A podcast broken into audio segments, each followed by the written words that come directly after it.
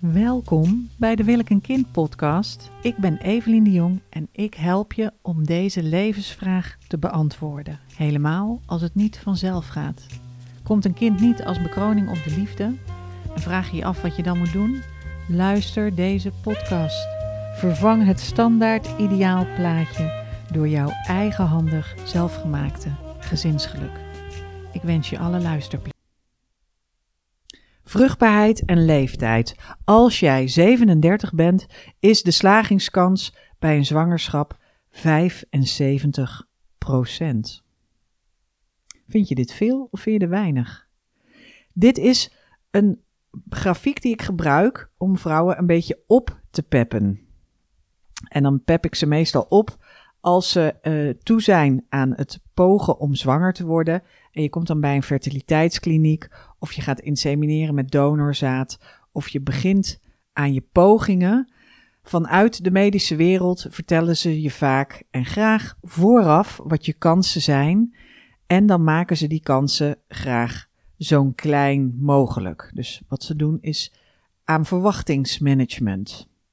En het kan heel demotiverend zijn, vooral als je eerst hebt geprobeerd om te besluiten wat je wil en daar een aanzienlijke periode mee bezig bent geweest. Of als je, nou, er zijn vrouwen die hebben misschien wel vijf jaar getwijfeld. Of net zoals ik heb vijf jaar tamelijk wild en onbezonnen en lukraak allemaal dingen geprobeerd voordat ik kon gaan proberen om zwanger te worden. Ik vind de vruchtbaarheid van vrouwen een heel oneerlijk, in Nederland oneerlijk systeem. Want je wil niets liever dan weten of je vruchtbaar bent als je boven de 35 zit en denkt dat het moederschap voor jou is. En tegelijkertijd, voor die tijd, ben je op je blote knietjes aan het bidden of dat je please, please, please God niet zwanger bent van een one-night stand of een fling of iemand waarvan je helemaal niet zwanger had willen zijn. Dus heel lang ging ik naar de Rutgers Stichting toen nog. Nou, alsof ik daar de deur plat liep, dat was niet zo. Maar ben ik toch twee of drie keer geweest om een morning after pill te halen. En ik weet nog, één was met hetzelfde vriendje. En toen, uh, want er ging steeds iets mis met het condoom. En toen kwamen wij daar. En toen zei die man op een gegeven moment: hey, waren jullie hier vorige maand niet ook al? En toen zei ik ja. En toen moesten we helemaal binnenkomen en een gesprek aanhoren en foldertjes lezen.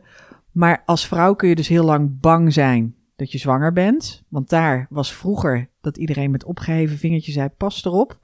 Dit was nog voor het AIDS-tijdsperk. Uh, dat begon begin jaren negentig. Maar daarvoor was vooral nog pas op dat je niet zwanger bent. En kijk uit. En als je uh, nou ja, met kind geschopt wordt, hè, dan, uh, dan, dan is je leven voorbij.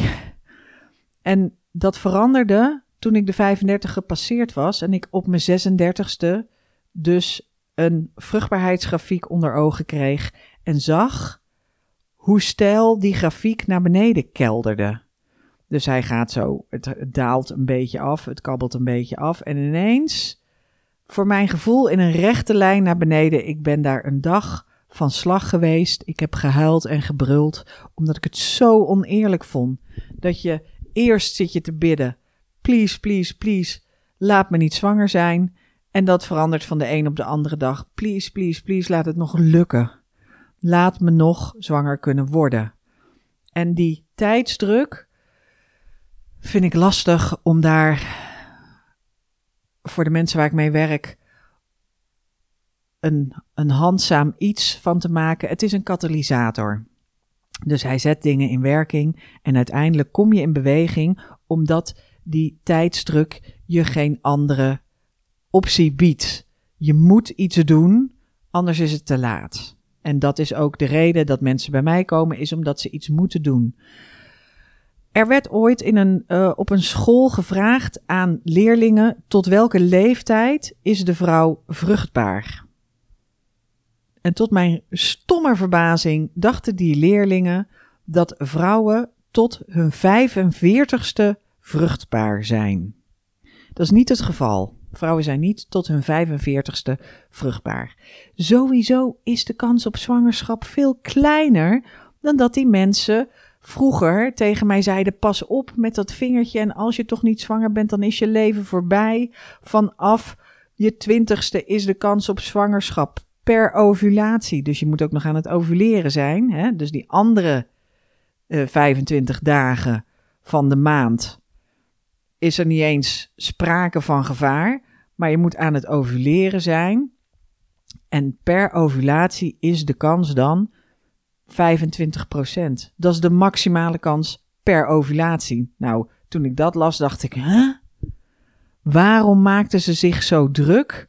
Waarom werd, werd er zo gedaan van nee, uh, dadelijk ben je zwanger en pas op en kijk uit en neem de pil, de anticonceptiepil en slik zoveel mogelijk pillen. Het maakt niet uit als je maar niet zwanger wordt, want zwangerschap was het meest verschrikkelijke wat je kon komen, kon overkomen, ongehuwd en, en nog voordat je was afgestudeerd. En daarna stond ik murf gebeukt, uit het lood geslagen, verdrietig kroop ik in een hoekje, lag ik opgerold, te jammeren dat de kans maar zo klein is. 25% per ovulatie. Als je jong bent en als je ouder bent, neemt het dus vrij snel af naar 15% en naar 5%. Nou, moet je die percentages, daar kun je niet per se iets mee. Dus de grafiek die ik gebruik, die ook in, het, uh, uh, in de gids staat over vruchtbaarheid, is een grafiek van een uh, wetenschappelijk centrum voor menselijke voortplanting. En daar zeggen ze: dit is het percentage vrouwen dat erin slaagt om kinderen te krijgen. Als je je eerste kind krijgt op je 37ste. Op je 37ste is dat 75% zonder IVF. En op je 39ste is het ook 75% met IVF. Nou, zo heb ik nog wat leeftijden in dat gidsje staan. Kun je je leeftijdscategorie opzoeken. Ik maak deze podcast en ik denk daaraan omdat ik best wel wat vrouwen bij mij krijg die de 40 gepasseerd zijn. En de kans van, voor iemand van 42 om een kind te krijgen is 50%. Als je, uh, dat is met IVF, dus met een medische behandeling. Nou, um, is die, vind ik het oneerlijk dat de, bij de vruchtbaarheid van vrouwen alleen maar rekening wordt gehouden met vrouwen en eicellen. Ik vind het sowieso een heel lastig fysiek gegeven. Er is dit jaar, uh, 2021, 2022, voor het eerst een anatomisch correcte afbeelding van vrouwen in de biologieboekjes op middelbare scholen. Tot voorheen was de clitoris, ik, dit is een stokpaardje voor mij. Ik weet niet of dat, dat het goede woord is voor een clitoris. Maar um, dit is een van de dingen waar ik me heel kwaad over heb gemaakt. Omdat ik me ontzettend bekocht voel. Omdat ik heel mijn leven lang van alles gestudeerd heb. En zelfs op de universiteit, toen we het ook over het menselijk lichaam gehad hebben. En toen we als cultuurwetenschapper ook gekeken hebben naar hoe de wetenschap vrouwen en mannen anders behandelt. En allerlei andere zaken. Zelfs toen is mij nooit verteld dat de clitoris van vrouwen niet een klein knopje uh, boven, aan de bovenkant bij de schaamlippen is, maar dat het een volledig orgaan is met vier armen. Dat wist ik helemaal niet. En als je het ook niet weet, dan check de show notes van deze podcast. Ik zal hier zeker een afbeelding van bij doen. Ik heb zelfs dronken een carnaval lang met die afbeelding op mijn telefoon. Allemaal mensen lastig gevallen om te laten zien in, uh, in het pittoreske Bergen op Zoom. Wat is de clitoris? Dit is een clitoris. Wist je dat hij er zo uitzag? En niemand wist dat. En uh, daar komt nu verandering in, want nu leer je in de biologieboekjes meteen al dat een clitoris vier armen heeft en dat het een zwellichaam is. En dat als je hem juist op de juiste manier stimuleert, dat je dan uh, uh, dat, dat, dat die zwellichamen uh, opzwellen en dat je daardoor kunt klaarkomen. En dat maakt ook duidelijk waarom het voor vrouwen veel moeilijker is om klaar te komen tijdens de seks, tijdens alleen maar penetratie. Omdat je dus dat, de, dat sensitieve bovenkant, die, dat knopje, moet uh, stimuleren op de juiste manier. Om ervoor te zorgen dat dat zwellichaam opzwelt. En um, er was een professor, Ellen Laan. En die heeft seksueel welzijn, die stichting, opgericht. Ze is uh, zojuist overleden in januari 2022. En zij was een groot voorstander van meisjes bijbrengen dat er zoiets is als seksueel genot. En dat je daar ook uh, dat je dat mag, mag verlangen en dat je dat mag najagen.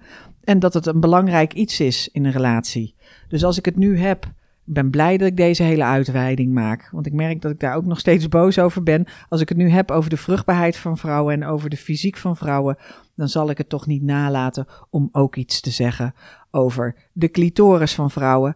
De redacteur van dat biologieboek op middelbare scholen zei: nee, we kunnen die clitoris niet in zijn geheel afbeelden, want dan zie je de baarmoeder niet meer. En wat is een vrouw nou anders dan gewoon een baarmoeder op pootjes? De bedoeling is dat ze kinderen krijgt. Daarvoor zit dat ding daar. En dan gaan we niet dingen afbeelden dat je niet goed meer kunt zien wat de werkelijke essentie van de vrouw is. Je begrijpt, ik ben hier nog steeds enigszins verbolgen over. Maar de clitoris is dus een volledig klaarkom orgaan en niet een heel klein knopje. En de, um, het, het fysieke gestel van vrouwen, de vruchtbaarheid van vrouwen en de leeftijd van vrouwen, daarover is het onderwijs ook niet helemaal eerlijk. De kansen zijn nooit heel groot. En tot mijn grote verbazing zag ik op Instagram, volg ik wat dingen over fertiliteit, en zag ik vanuit een fertiliteitsinstituut uh, een gerenommeerd instituut hoorde ik een gynaecoloog, een professor praten over de kwaliteit van eicellen van vrouwen en over wat er aan te doen was. En hij hamerde maar weer eens op het oude aanbeeld: op tijd je kinderen krijgen en leeftijd is belangrijk. En hij zei daarin ook dat dat voor mannen anders was. Maar dat, daar heb ik op gereageerd, nooit een antwoord op gekregen. Maar dat is niet helemaal waar de kansen voor jou als vrouw, als je zwanger wil worden, zijn hoger als je een jongere man neemt. Tada, ik wil het toch maar even gezegd hebben. Dus voor al die vrouwen. Ik kom wel eens vrouwen tegen en die hebben dan een bekende donor die ze willen vragen. En eentje zei van nou, weet je wel, deze, dit is mijn ideale donor. Hij vinkt allemaal boksen aan. Um, we waren jeugdvrienden. We zijn uh, nu nog goed bevriend. Ik vind hem leuk, ik vind hem aantrekkelijk. We matchen niet in het dagelijks leven, dus we kunnen niet samen een gezin vormen. Dat werkt niet. Maar ik zou heel graag zijn kind willen. En uh, eigenlijk is hij de ideale kandidaat en hij heeft ook ja gezegd. Hij heeft alleen wel slecht zaad. Maar dat is dus de essentie van de zaaddonor, is het zaad. ja, dus dat is dan, dan moet je daar wel onderzoek naar laten doen. En zij was zelf al wat ouder. En dan moet je dus wel kijken, wat zijn mijn kansen als ik een donor neem die ook ouder is. Dus juist als je zelf achter in de 30, begin 40 bent en je wil hier nog aan beginnen, is het handiger om jong en viriel te nemen dan trage oude zwemmers uit een oude balzak. Om het maar even lomp te zeggen. Maar ik vond het oneerlijk dat ook bij fertiliteitsartsen soms de notie leeft dat het voor mannen niet uitmaakt hoe oud ze zijn en wat de kwaliteit van het zaad is. Terwijl de, de, kwaliteit van sperma holt achteruit, gaat zien er ogen achteruit. Niet per man individueel, maar uh, globaal genomen in zijn algemeenheid. En dat kan aan van alles liggen aan chemicaliën, aan oestrogenen in het drinkwater. Ik weet allemaal niet wat. En later beginnen doet de boel geen goed. Dus mannen denken vaak dat ze geen biologische klok hebben en komen er, er dan gaandeweg achter dat ze die wel hebben. Maar het is zo anders als je niet iedere maand een ovulatie verliest, maar denkt ja, ik kan gewoon blijven produceren. En als je nu bijvoorbeeld nog drinkt en rookt, nou, dan stop je met drinken en roken en dan ben je een paar maanden clean. En dan maak je gewoon weer helemaal opnieuw clean zaad aan. De kern van het verschil is natuurlijk dat meisjes worden geboren met hun gehele voorraad eicellen al in hun eierstokken. Dus zij worden geboren met alle eicellen die ze hebben. En gaandeweg verlies je gedeeltes van die eicellen, wordt de kwaliteit minder van de eicellen. Alles waar jij je lichaam aan blootstelt, alles wat jij meemaakt, alle ziektes die je krijgt, alle drugs die je neemt, alle drank die je doet, dat allemaal beïnvloedt die eicellen. Bij mannen, die maken steeds opnieuw sperma aan. Dat maken ze, kunnen ze iedere dag, wordt dat opnieuw aangemaakt. Er kan ook meerdere, meerdere, meerdere malen per dag aangemaakt worden. Dat aanmaken van sperma wordt niet, is niet een proces dat zich verbetert in de loop van de jaren. Want voor mannen geldt natuurlijk hetzelfde als voor vrouwen. Ook al is dat zaad er nog niet, het lichaam dat het zaad maakt, krijgt ook last van ziektes, heeft ook uh, leed ondervonden aan drank en drugs en uh, ouderdom. Gewoon. Gewoon het leven. Dus mannen hebben ook een fysieke leeftijd uh, die. Ja, de, leeftijd, de leeftijd is altijd fysiek. Um, mannen hebben ook een, een fysiek. Mannen, voor mannen is ook de leeftijd van belang voor de vruchtbaarheid. En de vruchtbaarheid van vrouwen en de, in combinatie met uh, de leeftijd van de man is heel belangrijk. Dus waarom dat zo veronachtzaamd wordt, ik heb geen flauw idee, maar dat is onterecht. Terug naar de vruchtbaarheid van vrouwen. Ik heb in de gids over vruchtbaarheid een aantal dingen gezet, ook die je kunt doen om voor jezelf te onderzoeken of dat je cyclus normaal is, uh, of normaal, hè, of dat die regelmatig is. Uh, of je kunt dingen onderzoeken Um, er zijn een aantal zaken die je kunt doen om fysiek je beste zelf te zijn voordat je begint aan pogingen tot zwangerschap. Maar uiteindelijk is uitstellen van proberen om zwanger te worden slechter voor je vruchtbaarheid dan roken.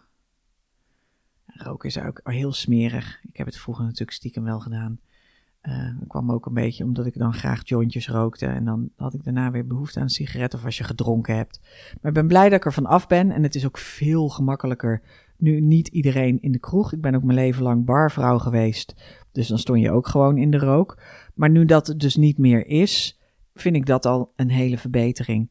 Maar je leeftijd is heel cruciaal. En tegelijkertijd zegt het ook niet alles en kunnen ze ook heel veel. Waar moet je nou mee rekening mee houden als het gaat om je vruchtbaarheid? Wat in Nederland heel oneerlijk is, is dat er geen vruchtbaarheidstest bestaat die ze bij jou doen als jij wil weten of dat je wel of niet vruchtbaar bent. En dat heeft ermee te maken dat ze pas gaan kijken hoe vruchtbaar je bent als je bewezen onvruchtbaar blijkt of verslechterd vruchtbaar. Dus als jij 36 bent en al langer dan een half jaar aan het proberen bent om zwanger te worden, dan gaan ze checks testen doen en kijken wat er allemaal met je mis kan zijn. Ik heb dit zelf uh, ervaren, omdat ik dus werd geïnsemineerd. Wat ik super oneerlijk vind. Eventjes nog, het is super, super, super ellendig ruk, volkomen ruk. Dat als je achter in de dertig bent en je wil graag zwanger worden en je wil graag weten of dat je nog vruchtbaar bent, dat ze dan dus dat je daar dan niet dat de medische wetenschap zegt van nee, hier kunnen we niks mee. We, we weten, we, we gaan pas iets doen als jij probeert zwanger te worden en het lukt dan niet. Terwijl je in je hoofd maak je daar zo'n enorm probleem van en kan het zo'n angst worden en beïnvloedt het je dagelijks leven zoveel dat het heel, een heel negatief effect op je bestaan heeft. En ze kunnen het wel meten. Ze kunnen wel testen doen van je AMH en over hoeveel hormonen je er, in, je, in je lijf zitten. Maar er is niet één vruchtbaarheidstest die zegt: u bent zoveel procent vruchtbaar, of u bent onvruchtbaar, of er is dit of er is dat. Er is niet één zo'n test met één zo'n antwoord. Wat mij overkwam was dat ik geïnsemineerd werd bij de spermabank. En dat ik na drie inseminaties niet zwanger was. Terwijl die verpleegkundige van de spermabank wel steeds zei van... Goh, Mevrouw de Jong, u heeft een prachtige glanzende baarmoedermond. Dus dat weet ik dan. Ik heb een prachtig glanzende baarmoedermond. Ik denk dat het deze keer hè, wel zal gaan lukken. Het zag eruit alsof ik in mijn, vruchtbare periode daar met mijn benen in de stijgbeugels lag. Dus uh, uh, ze wenste me iedere keer veel succes. En ze had er goede hoop in. Maar toen het na drie keer nog niet gelukt was, heb ik zelf de huisarts gebeld. Heb ik uh, daar, nee, ik heb de gynaecoloog, het ziekenhuis gebeld, afspraak gemaakt met de gynaecoloog voor een onderzoek. Gezegd dat ik al langer dan een half jaar aan het proberen was. Want ik dacht, ja, ik ben nu in de 38. Het moet niet allemaal nog heel lang gaan duren. We moeten nou gewoon assertief stappen vooruit zetten. Toen heb ik daarna de huisarts gebeld en gevraagd om een verwijsbriefje. Ik heb toen gezegd: Ik heb al een afspraak bij de gynaecoloog. Het enige wat ik van jou nodig heb is een verwijsbriefje. En toen bij die gynaecoloog hebben ze eigenlijk in de verkeerde volgorde wat onderzoeken gedaan. Ik was een van de eerste in Nederland waar ze een laparoscopie deden. Dat komt omdat ik ooit chlamydia heb gehad. En chlamydia is een seksueel overdraagbare ziekte waar je helemaal niets van merkt. Maar als je die ooit gedag, uh, gehad hebt, dan kunnen je eileiders verkleven. En met verkleefde eileiders kun je niet zwanger worden. Ik heb me helemaal uiteindelijk heb ik alsnog al die, al die verloren biologielessen vrijwillig ingehaald toen ik hier helemaal ingedoken ben. Maar wat er gebeurde was dat de gynaecoloog zei van nou, hè, dus u heeft antilichaampjes voor uh, antilichamen voor chlamydia. Dus wat wij gaan doen, wij gaan kijken, uh, gek genoeg toen, aan de buitenkant of dat de eileiders er oké uitzien. Maar om aan de buitenkant van de eileiders te kijken, moet je een kijkoperatie doen. En toen heb ik geopteerd voor de laparoscopie. En dat is een gaatje in de vaginawand. En dan gaan ze daar met zo'n klein cameraatje doorheen en dan bekijken ze de buitenkant van je eileiders. Dat hadden ze gedaan. Die zag er allemaal prima, keurig, mooi, schoon uit.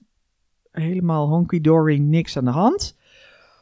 Toen moest ik daarvan herstellen. Dus dat is een wond. Het is, wat prettig is, is dat die in je vagina zit. En daar is het uh, schoon en steriel. Mag ook wel eens gezegd worden. En kun je dus niet, kun je niet infecties hebben. Je kan niet hechten. Dat geneest zichzelf, geneest vrij snel.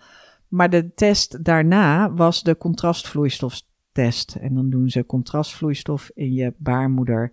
En dan zetten ze daar druk op. En dan moet die contrastvloeistof, dat, dat kijken ze met röntgen, moet door je eileiders, dat zijn gewoon haarvaten.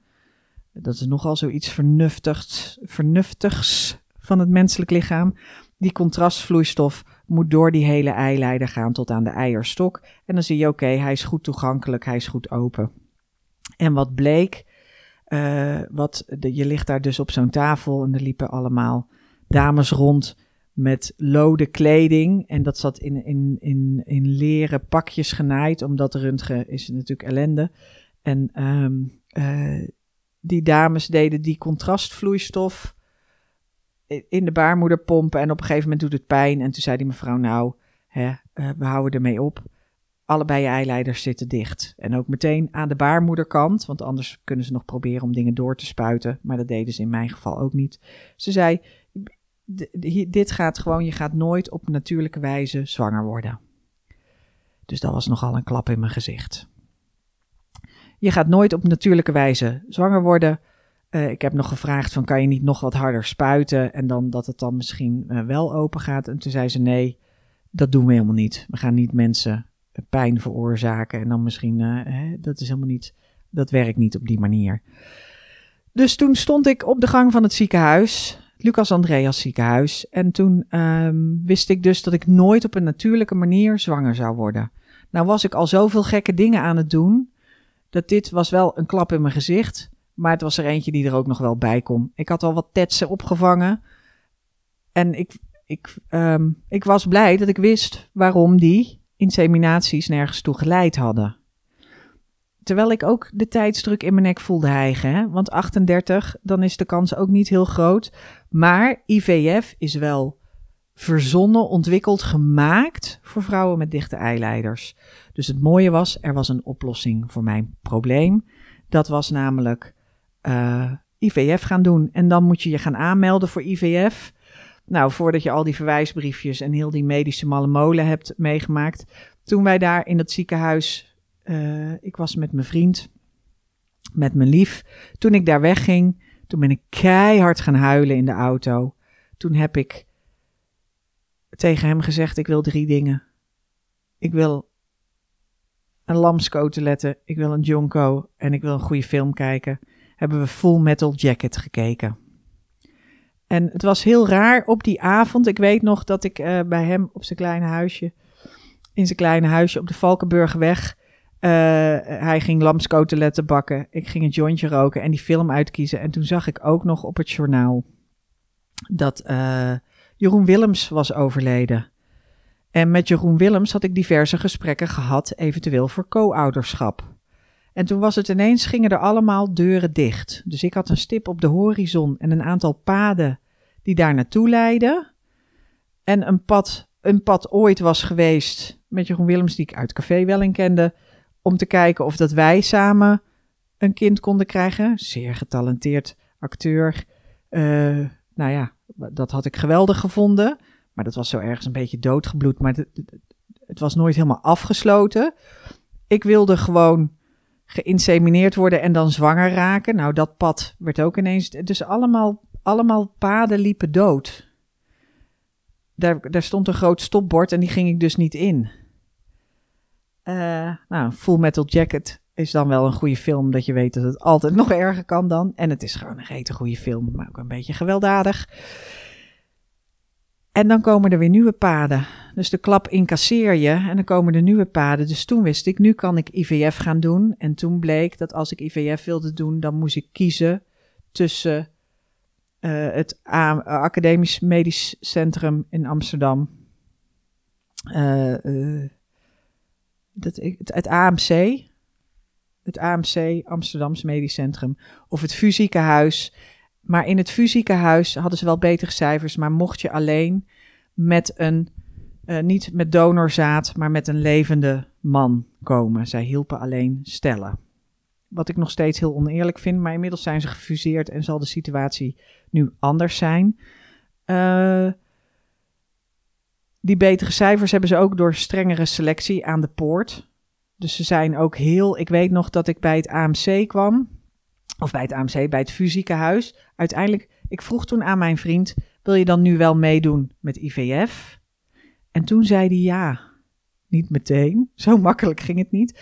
Maar hij zei na een week lang erop broeden en puzzelen.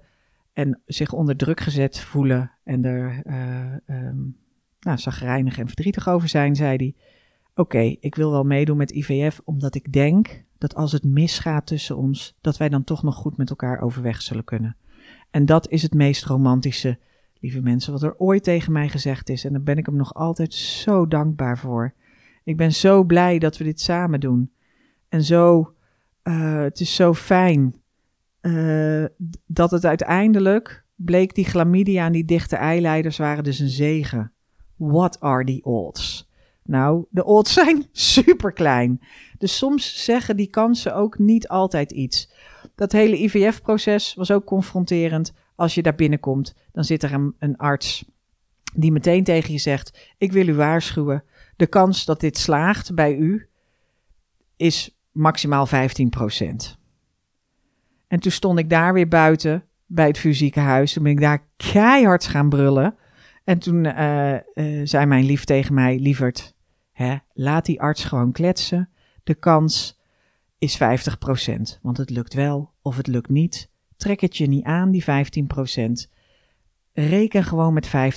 Het lukt wel of het lukt niet. En uiteindelijk is het super op het nippertje.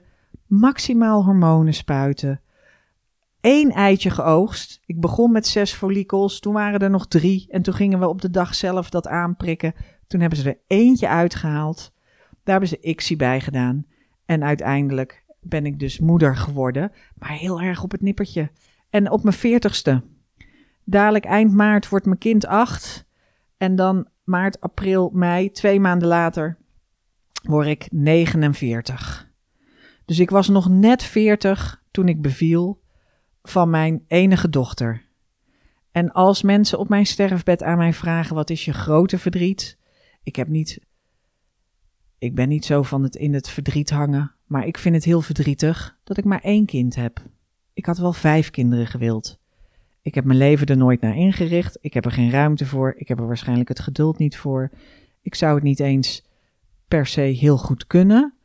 Maar ik weet wel dat dat, dat is een verdriet dat ik met me meedraag. Dan had ik eerder anders moeten gaan leven als ik meer kinderen had gewild of jonger kinderen had gewild. Dus dat is helemaal mijn eigen. Maar daar ben ik wel verdrietig over. En dat is ook oké. En één is ook weer hartstikke leuk. Het is super uh, handzaam. Je kan veel makkelijker weg. Je kan veel makkelijker een dagje zonder. Maar ik was erg laat. En ik heb daarna ook vriendinnen van mij gesproken die zeiden: Evelien, we hielden allemaal ons hart vast. Jij hebt dit zo laat en zo op het nippertje. Al die avonden dat zij zonder mij in de kroeg zaten, hebben ze iedere keer opnieuw gezegd: Jeetje, die Evelien, wat loopt ze toch te stuntkippen? Wat loopt ze toch in de marge te pielen en te blunderen zonder dat er iets gebeurt? En ze wil zo graag moeder worden en waarom doet ze zo?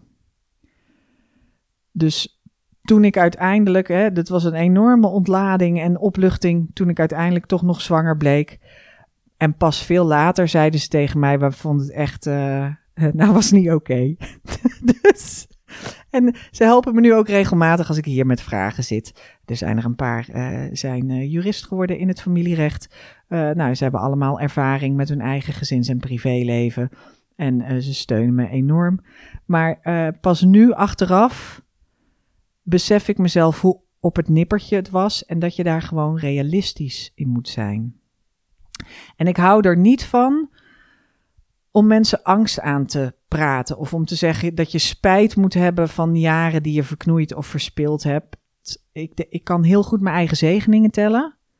Dus ik kan ook heel goed blij zijn met waarom ik maar één kind heb. En ik kan heel goed alles vieren wat ik nu heb en heel gelukkig zijn met mijn eigen leven. Dat zegeningen tellen en dat dankbaar zijn, dat lukt heel goed. Maar wees realistisch over je vruchtbaarheid. Wees realistisch over je kansen. En dat, uh, daar help ik je dus graag bij met die vruchtbaarheidsgids. Die je dus gewoon kan downloaden bij de show notes van deze podcast. En uh, nou, dan wens ik je nog vele fijne ovulaties toe. En vergeet vooral ook niet eens die clitoris op te zoeken. Want zoals mijn uh, wijlen, mijn oma, zei: Als je uw eigen niet kietelt, dan lach je nooit. Fijne dag. Dank je wel dat je luisterde naar de Wil ik een kind podcast. Het is mijn missie om mensen te helpen die worstelen met liefde, het ideaalplaatje en de kinderwens. Vond je dit goed en waardevol? Geef een duimpje omhoog, want dan kunnen andere mensen hem vinden. Laat een review achter en ik heb een tof cadeau voor je. Drop me een mailtje info@wilikenkind.nl of stuur me een DM op Instagram en dan krijg je een link naar een webinar wat ik verder met niemand anders deel. Een webinar over de liefde en je kinderwens. Het kan gaan over daten onder druk of het kan gaan over je relatie onder druk. Zet er even bij wat je wil hebben en ik hoor heel graag van je. Groetjes!